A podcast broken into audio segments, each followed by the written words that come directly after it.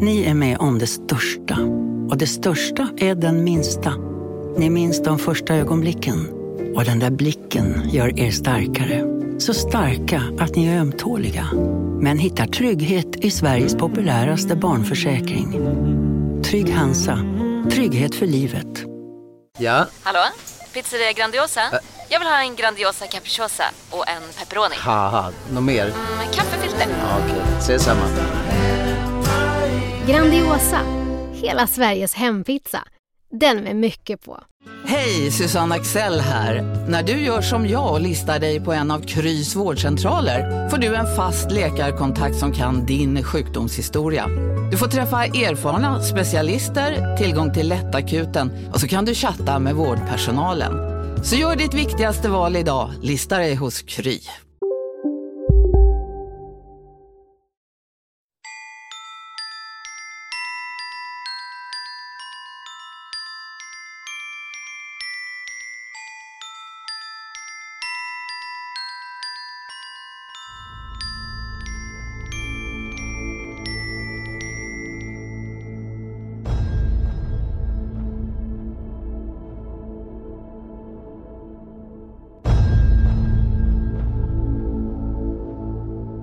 Vi här igen Oskar. Nu är vi här igen. Vi Ja. är i Stockholm på Kista Comfort Hotel. Vi är på Acast-studion. Mm.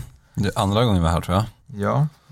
Och det är faktiskt eh, en väldigt bra ställe att spela in på om man är just i Stockholm och inte kanske har en inspelningsstudio så kan man alltid komma till Comfort Hotel Kista och spela in. Ja, faktiskt. Och så och spela, vet du det, pingis heter det, som jag vann förra gången. Ja, det, det hörde vi i kommentaren att det var tvärtom va? Nej. Nej. Eh, nu är vi här på grund av att eh, vi har en annan gäst i Stockholm som, Mm. eh, som är superintressant. Och det är ett ämne som eh, har faktiskt kommit in till våra sociala medier, hur man hanterar eh, barn som kanske har ett tredje öga, en, eh, ser aktivitet eller har Mm. låtsasvänner och så vidare. Och eh, våran gäst idag är ju Sara Kingstedt. Eh, Hejsan. Hej. Hon har skrivit bland annat boken, eller hon skrev boken Pytte och Magda, en annorlunda vän. Och innan vi börjar så vill jag bara läsa om vad den handlar om.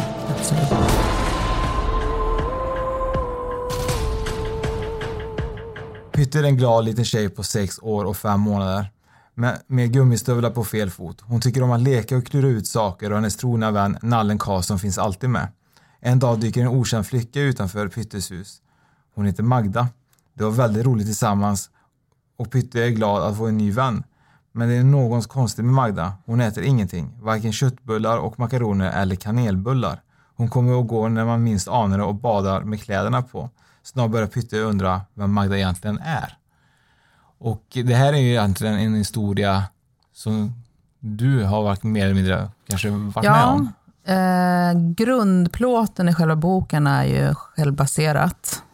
Det handlar om mig när jag var liten och jag träffade Magda då. Och hur vi blev vänner och att vi började leka. Och jag såg henne precis som jag såg, ser er idag. Så skarpt också Så då. skarpt Mm. är det. Vilken ålder var det pratar vi om här?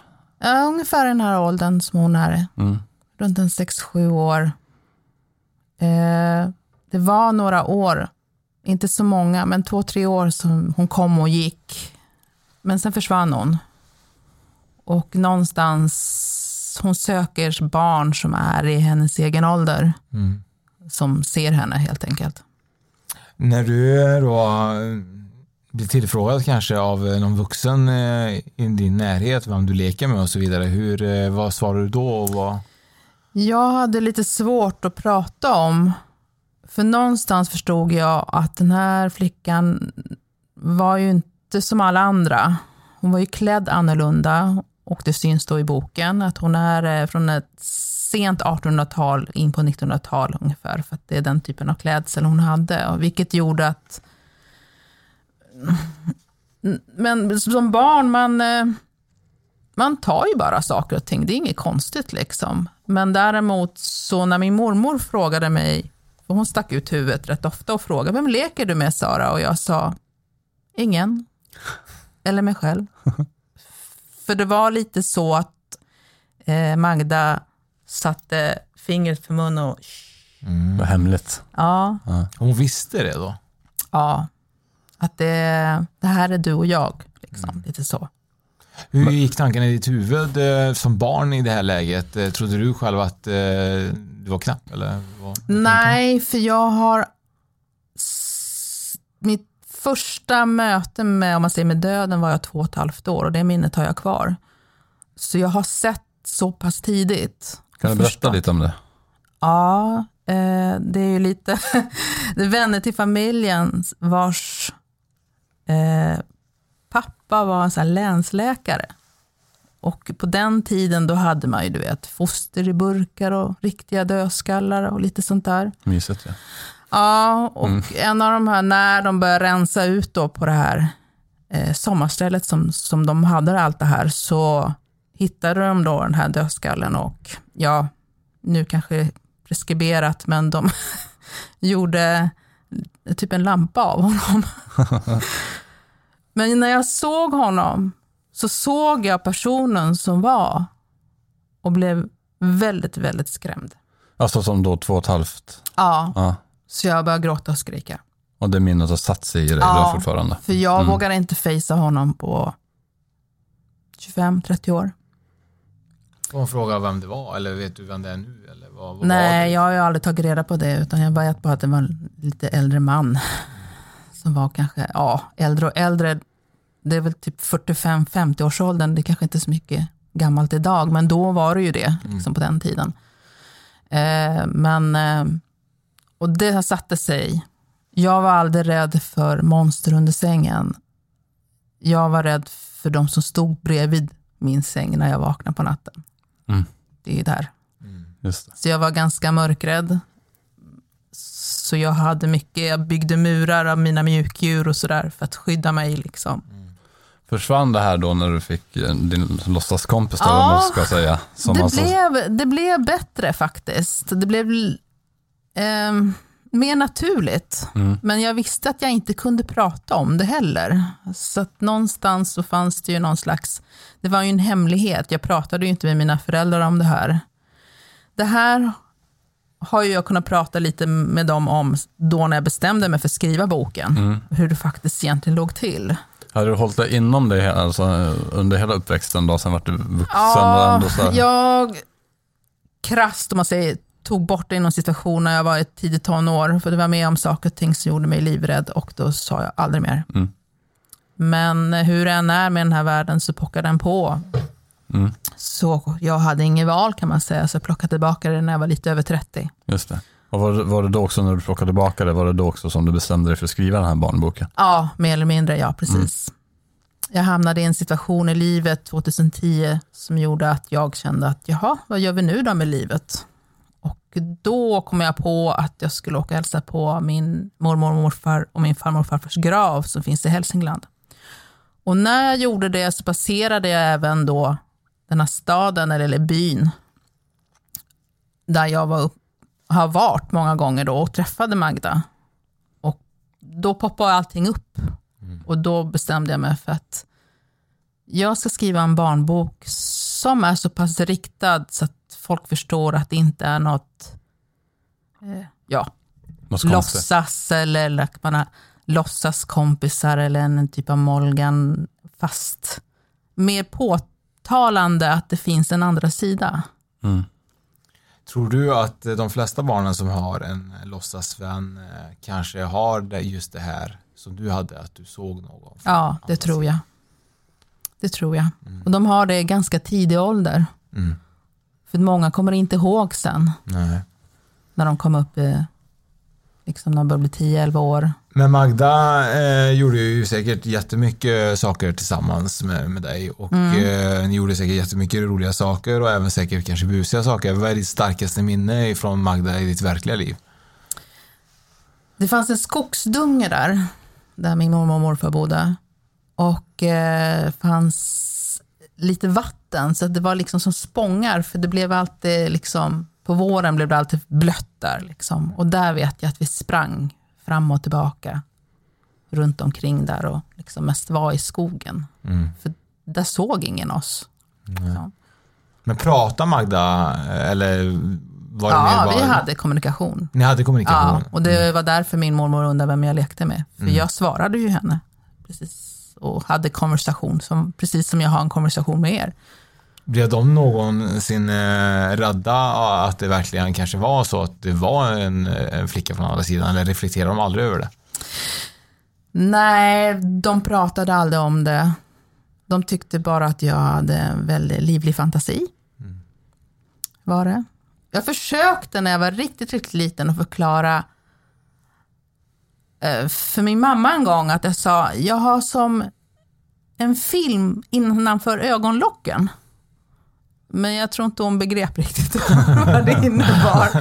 Men det är att man ser saker fast man inte ser saker. Ja. Men eh, Men hur var deras reaktion nu när du var lite äldre och, och när du tog upp det här igen då, och berättade om alltihopa? Vad, ja, nej, de var nog inte sådär jätte förvånande heller, tror jag. Och sen kommer det väl fram lite så här att eh, mormor var nog lite sådär, tyckte det här var lite intressant. ja. Min mamma idag har väl, har väl lite, inte känningar i det, men jag tror att hon gärna vill att det ska finnas en andra sida. Så det finns ett intresse för det i alla fall i familjen? Ja, in, ah, inte på det sättet som jag har. Det, det gör det inte. Men eh, de är nog, det är lite nyfiket ändå. Liksom, Ja. så. Precis. Min mamma brukar eh, säga att hon, ja nu har jag drömt om mormor. Och då har det oftast varit för att jag har bett mormor komma. Mm. Dagen innan. Lite så här, kan du ta hand om din dotter? För jag orkar inte. Seminarium. Kanske någonting vi ska också, det ska jag börja göra med din mormor Oskar. Ja. Jag ska börja säga till henne att hon ska komma och ta hand om dig nu så att jag slipper Ta hand om mig. ta hand om dig. Precis. Det är faktiskt eh, en jättesnäll tanke om du gör det och det fungerar så är det bara ännu bättre. Men du har ju också barn också som upplever en del saker. Mm. Tror du att den här boken, hade, nu är de ju lite större, Ja. men tror du att den här boken hade kunnat hjälpa dem för när de var i, den liknande ålder? Ja, så det tror jag verkligen att det hade varit för att grejen är, det är väldigt svårt eh, som förälder idag och eh, nu har jag väl turen att veta med podden eh, ett år tillbaka att det förmodligen finns den andra sidan till 100% i, för min egen uppfattning och min tro. Men förr i tiden så var det typ så här att man kanske trodde att det fanns någonting och man vet inte hur man ska liksom säga till ett barn att, att det inte finns eller ska man säga att det finns eller eh, ska man säga att det är okej att- och så vidare. Så att jag tror att jag haft en bok som jag skulle kunna ha som en guideline hade hjälpt mig jättemycket tror jag. Ja. Så att eh, det tror jag absolut och det är ju därför det är så himla viktigt att den här boken är ju en bok som borde egentligen eh, pratas mer om. Det känns som att det är så mycket barn som ser saker där föräldrarna säger liksom att eh, nej men det är bara en låtsaskompis och det finns inte i din egen fantasi. Men för dem är det ju som, precis som för dig då, alltså det, det var ju din verklighet. Och då när en vuxen kommer och säger att Ja. det här, nej men du bara hittar på, att man skapar liksom osäkerhet i barnen som inte är så mm. sund liksom. Vi hade ju en mamma som skrev typ så här, det här stod inte med i föräldramanualen för hon skrev till oss typ så här Okej. om här, just sådana här frågor hur man skulle hantera det. Ja. Så att eh, du får jättegärna förklara hashtag. Det fanns inte med i föräldramanualen. Ja, precis. Eh, jag föredrar ju att man pratar om det. Att har barn frågor så får man krasst inte förlöjliga situationen, utan faktiskt prata med barnet som att, som det, att det är en person, oavsett vilken ålder det är. Och försöka förklara så gott det går. Liksom. Var nyfiken, fråga vem, vem pratar du med? Är det någon du har sett? Mm. Tycker du det är läskigt? Tycker du det är roligt? Eh, jag var ju med om då när boken släpptes, fick jag ju mycket förfrågningar. Och då var det bland annat en, en, en vän som sa att min dotter pratar med sin farfar och de har inte träffats någon gång. Men hon vet att farfar gick bort i hjärtinfarkt. Fast hon är typ var två och ett halvt år. Liksom.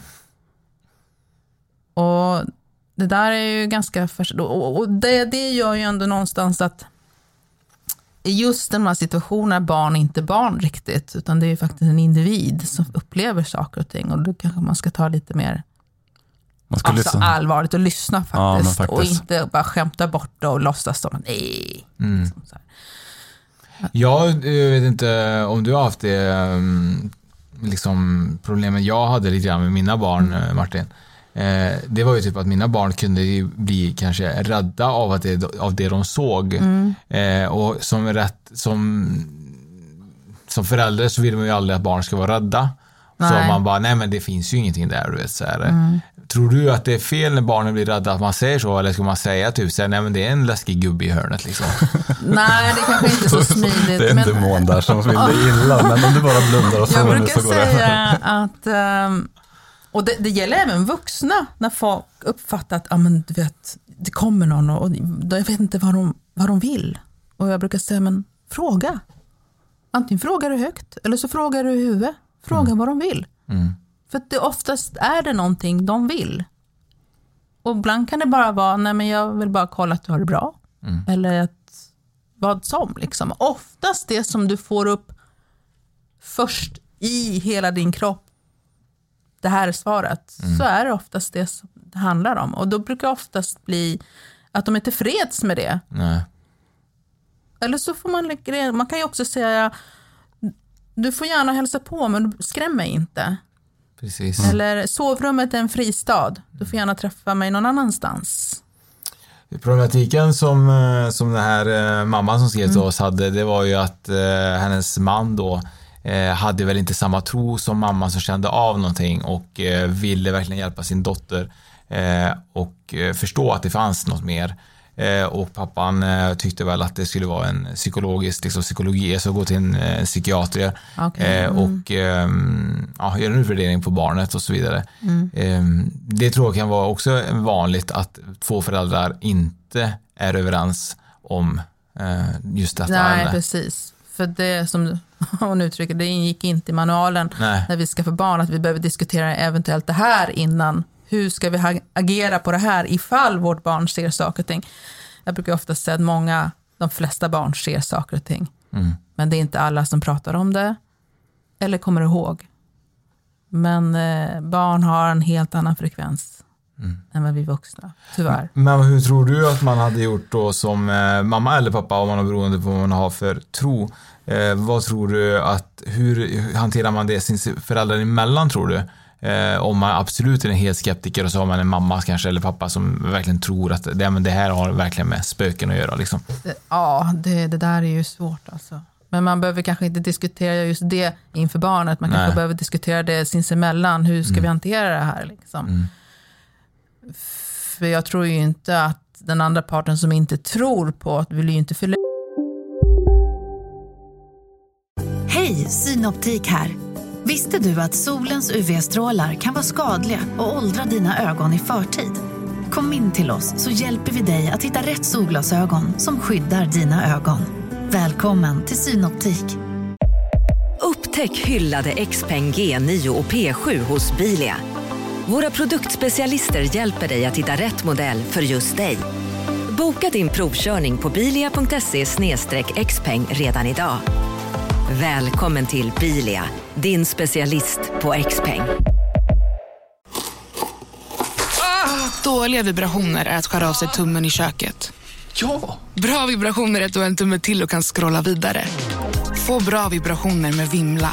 Mobiloperatören med Sveriges nöjdaste kunder enligt SKI. löjliga sitt barn heller. Nej. Eller göra det liksom att den blir ännu mer rädd eller tycker att det är...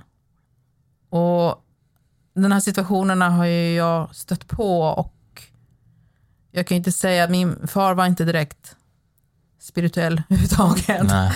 Och, det, och, och han kunde jag inte prata alls med kan jag säga på, om, om sådana saker. Så att, eh, och det, var, det är därför jag har skrivit boken. Det, det är typ som en liten trevlig manual för föräldrar. För jag brukar säga, ja, mellan fem till sju år passar, fem till nio år. Men du kan vara 59 också, för många läser boken först. Innan de läser- av. innan ja, sen läser de Mm. sina, och men många får en flashback av den. Mm. Just det, det här, det här tror jag fasen har varit med om. Det här känner jag igen, eller känslan. beskrivningar. Kanske inte exakt, men närliggande. Liksom. Ehm, eh, Magda då, har du någonsin tagit reda på vem Magda verkligen var? Nej, jag har inte gjort det. Det hade varit intressant om hon kom också nu, så här, bara vad trevligt att du kommit och skrivit en bok om mig. Och så tagit kontakt med dig nu. Ja, nej, alltså det jag bara känner av henne det är ju att hon söker sig bara till barn. Bara till barn? Ja, vägleder barn. Liksom. Det är typ det. Tror du att Ja. hon är kvar där på plats där ni bodde då också och um, har nya kompisar? Eller tror du att hon har gått vidare? Nej, ja, jag hoppas det. Fast samtidigt vill jag ju att hon frid också. Liksom. Ja. Men jag uppfattade henne aldrig ledsen eller oroad eller något sånt där. Att hon hade, man säger, fastnat. Liksom. Hon kom och gick. Hon pratar aldrig om sitt, sitt liv till dig, liksom sina föräldrar, ingenting sånt. Nej, det gjorde hon inte. Du Vi var inte pratade nyfiken. aldrig om föräldrar. Vi pratade aldrig om någonting om sånt. Vi Nej. var bara Barn. Här och nu. Liksom. Mm. Lekte på plats och bara var. Det önskar man ju ändå att man kunde vara nu också. Bara här och nu. Mm, Jag minns ju att mina barn en gång ropade på att eh, Jakob låg under deras säng. Jakob. Ja, här, och då blev jag ju livrädd. Tänkte vad fan är det här nu? Det är så här, du vet, och som förälder så blir man ju rädd ju Ja. helt plötsligt. För då blir det så här, ska jag titta under sängen? Ligger en Jakob där eller? Är du med? Ja. Och så tänker man typ att man går och lägger sig och barnen ropar på natten. Och då börjar man ju tänka typ så här, om man då går dit, ser man då kanske Jakob stå vid sängen? Typ så här. Då börjar man ju också som förälder bli rädd och skrämma upp sig själv. Ja. Och och jag tror också att det är vanligt att man, eh, att om man har ändå en tro som är lite till det övernaturliga, att så fort man hör det här med låtsasvänner och så vidare, så blir man ändå lite, lite rädd. Och så det blir ju också så här, för då blir du lite rädd och så utsöndrar du de energierna som Mm. barnen också så plockar upp. Precis. Så, så får de ju ännu mer skräck. För de känner ju lite av att du tycker inte det här är riktigt bekvämt. Nej. Så att då blir det liksom, jaha, nej pappa tycker det, ja okej, vi, vi pratar inte om det här. Mm. För någonstans, barn pratar mycket, men vissa saker, då vet de, nu drar man igen näbben liksom. Mm. Då, då vet man att nu ska vi inte prata om det här. Det här håller man för sig själv. Saknar du Magda idag? Nej, egentligen inte. Hon var där och då, men hon hjälpte mig där och då. Men eh, självklart, hon är en stor bit för, för där jag är idag, helt klart. Mm. Hon finns ju i bokform nu. Så att, så att det, Det var meningen med ditt liv. ja, och det är så komiska i det hela, att jag är dyslektiker, Jaha. Men jag skrev ändå. Så det är Magda som kanske skriver igenom dig? Jag kan säga så här, jag sa när jag började skriva boken, jag träffade då den här personen som har målat boken, som tecknat, ett år innan. Och vi diskuterade då, eh, jag har alltid velat skriva en barnbok, sa jag. Jag har alltid velat illustrera en barnbok. Då kör vi, sa jag. Sen gick jag hem, låste in mig, tre dygn, satte blueprinten till boken. Kom tillbaka en vecka senare, gav henne den. Jag är klar nu. Vill du kolla på den? Och hon tyckte jag, du är galen. Men eh, jag hade ett mål, ett år skulle ta, för den skulle bli printad och klar. Hur lång tid tog det? Jag hade fyra dagars spann. Spann, så för ett år, för, på, Så jag klarade mig under ett år. under ett år. Ja. Snyggt. ja, och det tror jag nog inte är så många som gör kanske, jag vet inte. Det gick väldigt lätt, Mm. men jag tror också att jag har fått hjälp på vägen om man säger så. Men och så bokförlag nappade direkt när du hörde av dig och liksom det, det flöt på hela den biten. Och, Jag eh, fick tips då att man ska ju då skicka sitt manus till olika förlag. mm. Och jag kände så här, vad dyrt det kommer bli. det var mitt, min tanke. Så mycket papper. Aha. Eh, Men jag skickade till tre då. ja. En fick jag tillbaka. En försvann nog på vägen. För jag fick in liksom ingen återkoppling överhuvudtaget. För någonstans återkoppling brukar man få. Jag har Mm. fortfarande inte fått någon återkoppling. Det kommer snart kanske. Mm, och, sen, och nu, Parthenon tog den. Så att, eh, och de är ändå nischade inom den här sfären, då, man säger Mm. så, böcker. Och eh, ja, självklart blev jag jätteglad. Så att, nej men det var roligt. Jättekul. Det ligger en tvåa. Det ligger en tvåa planerad. Ja, den, har egentligen, den var ju klar ganska snabbt in på. Eh, Alltså blueprinten finns, 95% av alla bilder finns. Mm. Men Är det också om Magda och en fortsättning ja, det är en fortsättning. Min tanke är att det ska bli tre böcker. Mm. En svart, en lila och en vit. Jag Du har aldrig funderat på typ så här, eh, för jag tänker lite grann så här, vi, vi pratade om det för, vi har ju pratat om det här med skolsystem och så vidare. Det är ingenting som skolan typ så här eh, har velat rekommendera till barn 2020 liksom. Jag körde ett jätterace då när den där släpptes. Men jag, ska, jag tror faktiskt, den har släpptes alltså 2011. Mm. Jag tror jag var lite före. Lite för tidigt ja. Ja, Jag tror inte de, skolan fixade det där riktigt. Nej. För jag fick inget direkt napp om det. Jag vet att går man till ett bibliotek så kan man få en beställd dit. Liksom. Mm. Men de tycker det är nog lite svårt också att placera den. För det är mycket text och mycket bilder. De vet inte riktigt var den ska vara och vilken ålder. Den, är lite så här, den får en egen liten hylla. Ja, precis. Sådär.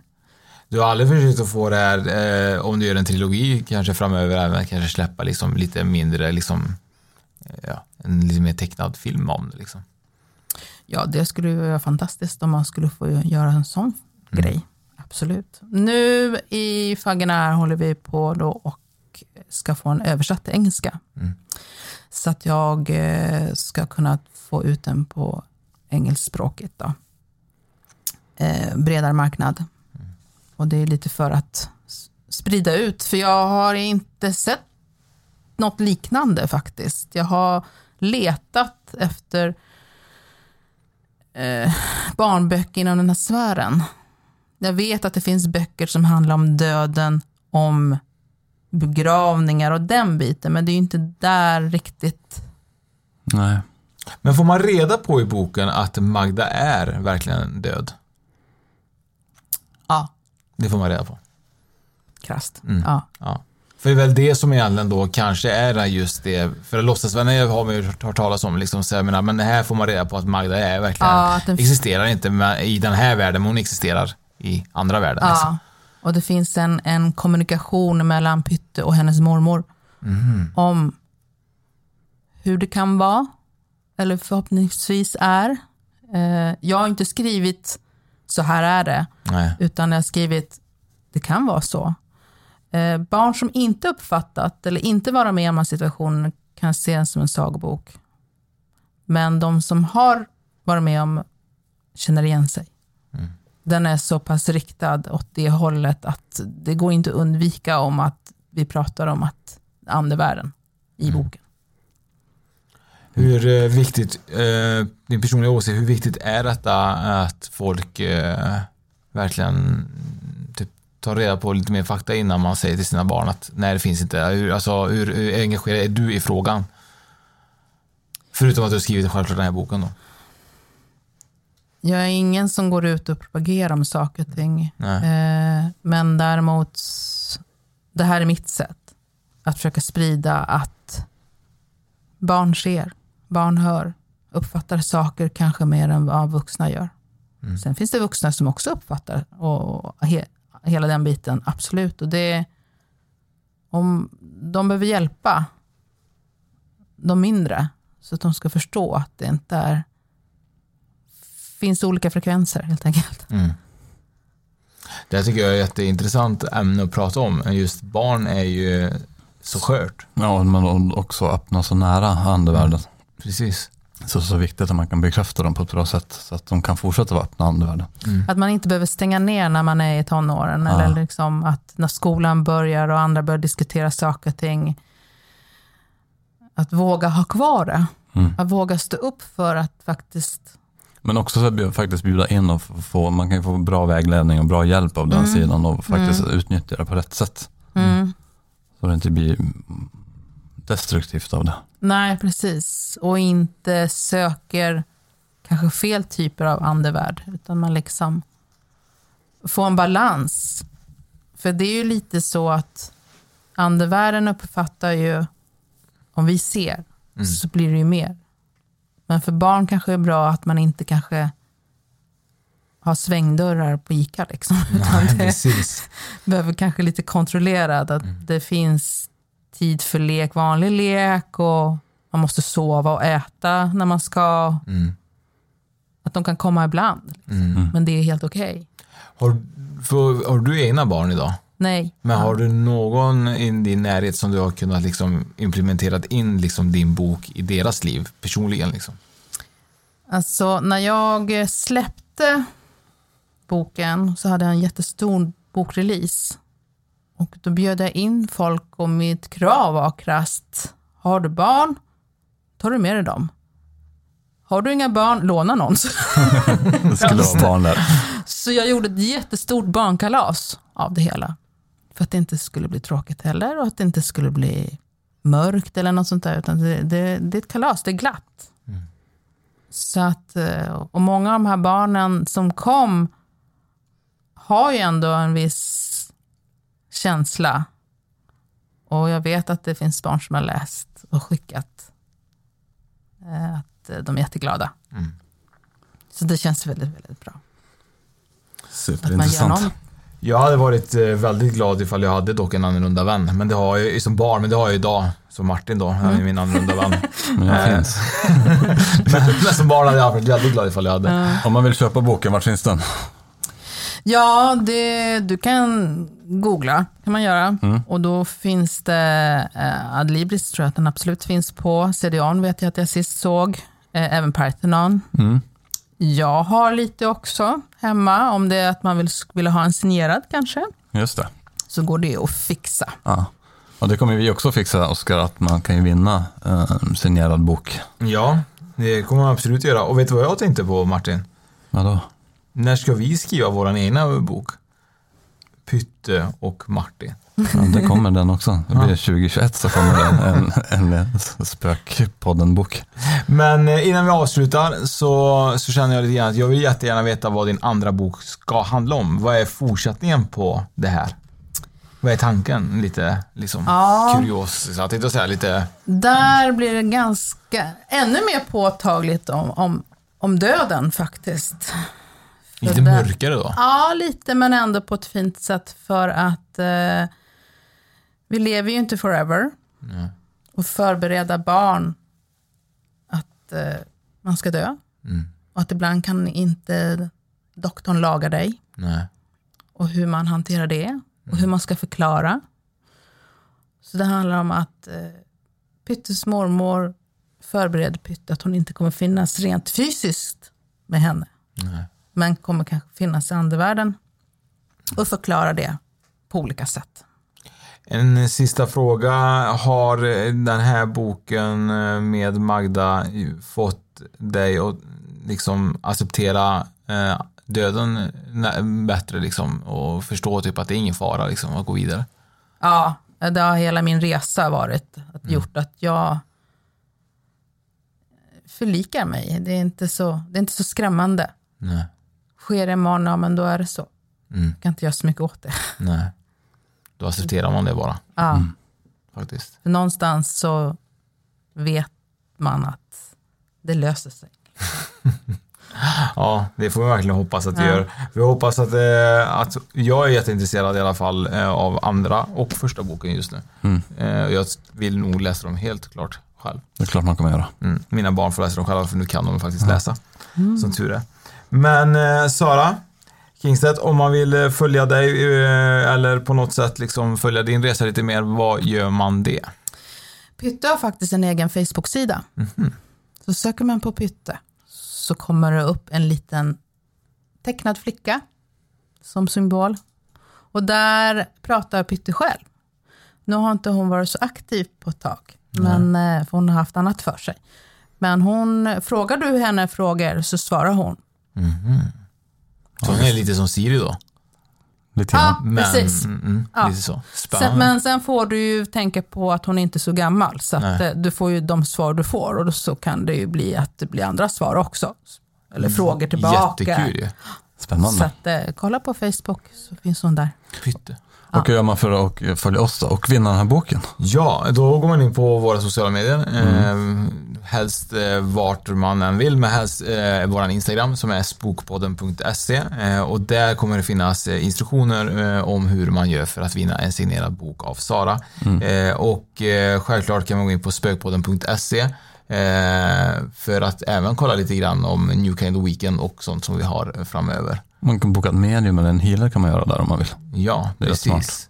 Det hade varit supertrevligt ifall man ville göra det. Men eh, gärna på New Kind of Weekend eh, så att eh, om man vill eh, få, information om vad man vill, om man vill vara med på ett event framöver så går man in där och kika. Exakt så.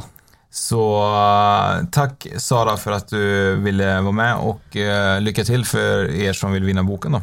Tack så hemskt mycket för att jag fick komma. Tack. Det var jättetrevligt. Tack. Tack.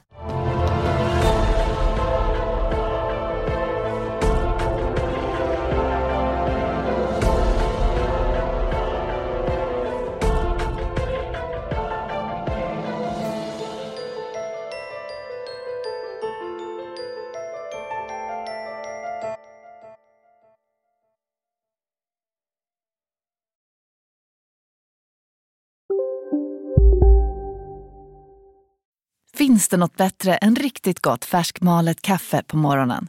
Det skulle väl vara en McToast med rökt skinka och smältost. Och nu får du båda för bara 30 kronor. Välkommen till McDonalds.